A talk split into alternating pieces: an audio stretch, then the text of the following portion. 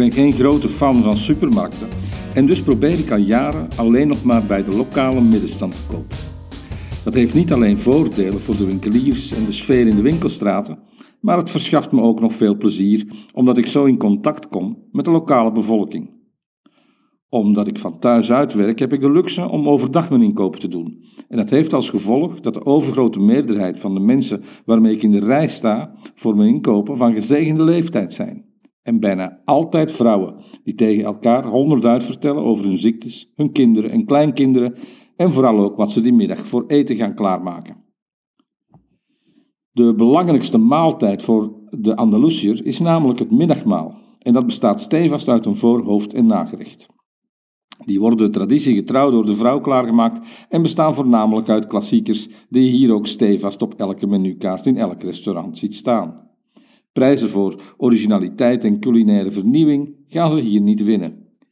Een van die traditionele gerechten is bijvoorbeeld de sopa de picadillo, een waterige bouillon die het midden houdt tussen afwaswater en opgewarmd zeewater.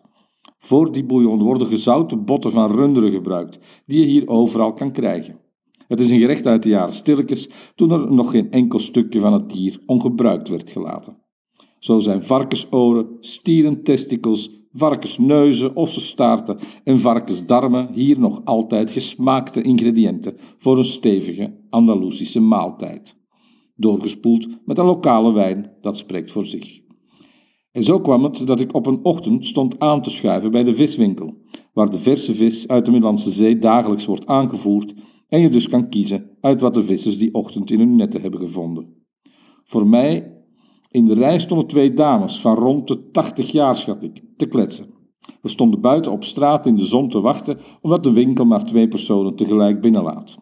Hoewel alle restricties met betrekking tot COVID inmiddels ook hier zijn opgeheven, houdt de viswinkel gemakshalve de regel aan dat je buiten moet wachten, zodat het kleine winkeltje niet overvol geraakt. Ik had al even in de etalage gekeken naar de uitgestalde vissen die op geschaafd ijs met glanzende ogen op hun nieuwe eigenaar lagen te wachten. En merkte tot mijn grote vreugde op dat ze naast de traditionele verse sardientjes, pijlinktvis en gambas ook een verse tarbot hadden liggen, hier bekend onder de naam rodaballo. Het kaartje dat voor de tarbot in het ijs stak vertelde me dat het een wilde tarbot betrof en dus geen gekweekte versie. Het was het uitgelezen moment om de dames voor me te betrekken in mijn zelf verzonnen culinaire probleem. En dus sprak ik hen aan terwijl ik mijn onnozelste gezicht trok.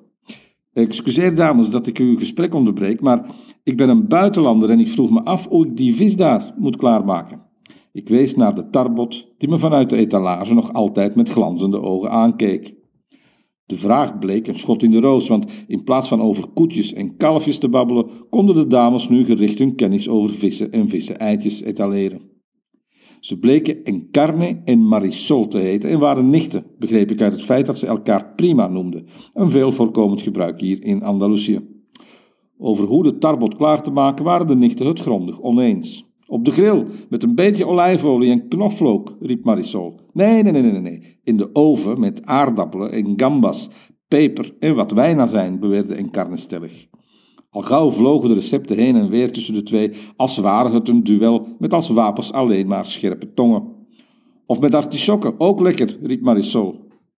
Filets, filets gegratineerd in de oven met ui en een lichte roomsaus met peterselie, gilde Encarne terug. Nee, met vermoed, met een saus van olijfolie, look en groene kruiden. De dames werden ruw onderbroken door een luide pingpong uit de winkel die aangaf dat het hun beurt was. Ze stapten zonder dralen binnen en tot mijn verbijstering hoorde ik hun bestelling aan. Pome el rodabaye y medio kilo de gambas, riep Marisol. Vamos a comerlo en horno con gambas y aceite. De twee schmichten snaaiden ongegeneerd de enige tarbot voor mijn neus weg. In het buitengaan knikte ze me nog vriendelijk toe ook.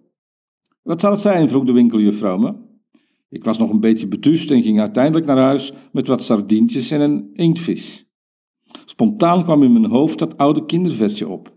Ik heb mijn wagen vol geladen, vol met oude wijven. Toen ze op de markt kwamen, begonnen ze te kijven. Nooit neem ik van mijn levensdagen meer oude wijven mijn wagen.